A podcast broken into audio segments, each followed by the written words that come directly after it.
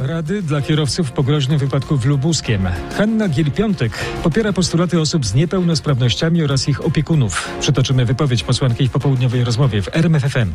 Zakatarzona Ameryka, w innym sensie słowa Katar. Analityk obrazowo ukazuje bankructwa banków w Stanach Zjednoczonych. Doping dla asów polskiego tenisa. Igi Świątek i Huberta Hurkacza. Co najmniej przez dwie godziny kierowcy muszą się liczyć z utrudnieniami na drodze krajowej nr 27 w Lubuskiem. Jak informowaliśmy w faktach, w Lubomyślu na trasie Żory Nowogród-Bobrzański doszło do wypadku. Zginęła jedna osoba, pięć zostało rannych. W faktach reporter RMFFM Benjamin Piłat. Benjaminie, jak doszło do tego wypadku? Na odcinku między Żarami a Nowogrodem Bobrzańskim doszło do zderzenia dwóch samochodów osobowych. Pierwszym z nich podróżowało pięć osób, drugim jedna. Ranni przebywają obecnie pod opieką ratowników. Okoliczności tego tragicznego wypadku są też wyjaśniane przez policję. Krajowa 27 jest całkowicie zablokowana. Funkcjonariusze kierują objazdem przez miejscowość Złotnik, a utrudnienia mają potrwać jeszcze kilka godzin. Popieram zrównanie renty socjalnej z płacą minimalną, deklaruje Hanna Gil-Piątek w popołudniowej rozmowie w RMFFM. Posłanka niezrzeszona dodaje jednak, że jest to rozwiązanie niewystarczające. W studiu jest prowadząca rozmowę Kazimiera Szczuka. Witamy Witam. Kazimieru ponownie. Co zdaniem Twojej rozmówczyni należałoby jeszcze zrobić, żeby pomóc osobom z niepełnosprawnościami? Państwo, zdaniem Hanny Gil-Piątek, powinno zainwestować w tak zwane mieszkania chronione, gdzie osoby z niepełnosprawnościami mogłyby się usamodzielniać pod okiem specjalnych asystentów. Jej zdaniem gminy nie są wystarczająco zachęcane do budowy takich mieszkań. Może w funduszu dopłat, z którego są pieniądze na budowanie takich mieszkań, powinna być oddzielna pula z jeszcze bardziej podwyższonym progiem, tak? Bo tam y, samorządy muszą coś dopłacać w tej chwili. Może to powinno być 100% po prostu. 100% udziału państwa w budowie takich mieszkań.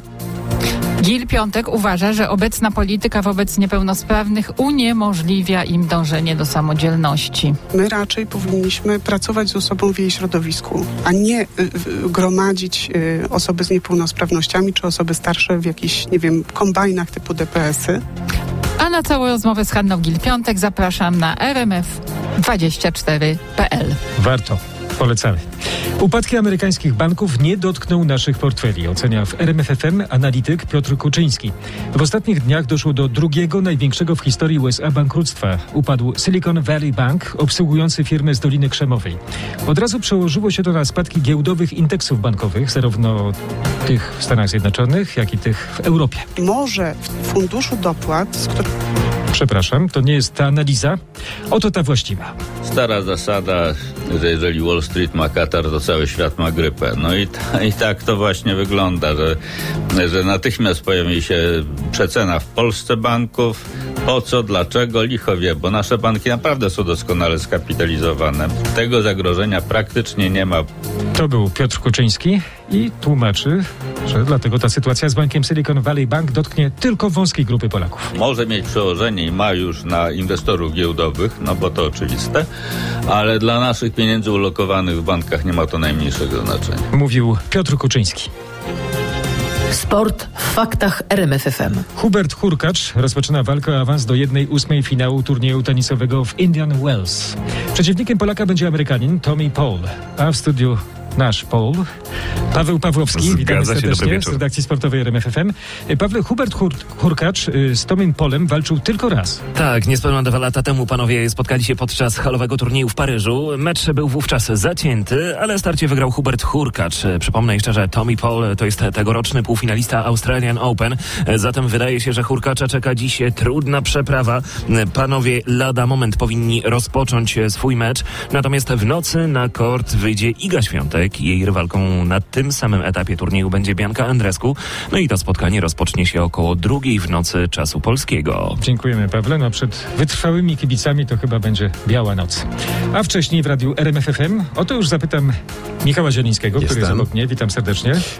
Wcześniej, czyli do północy, w faktach e, droga Wielka Noc. Przyjrzymy się cenom w sklepach, sprawdzimy, co teraz drożeje najszybciej. Powiemy o liczbie zakażeń koronawirusem. Są tacy, którzy wciąż e, to liczą, ale już nie z pomocą testów. Poza tym wystrzał cen kryptowalut i złota po bankructwie wspomnianego w faktach amerykańskiego banku, francuskie plany rozbudowy energetyki jądrowej i brytyjskie wzmocnienia atomowego arsenału, a także nosorożec z Katowic, który jest nadzieją na odrodzenie swojego gatunku. Zapraszam od 20. Radio, muzyka, fakty. RMFFM.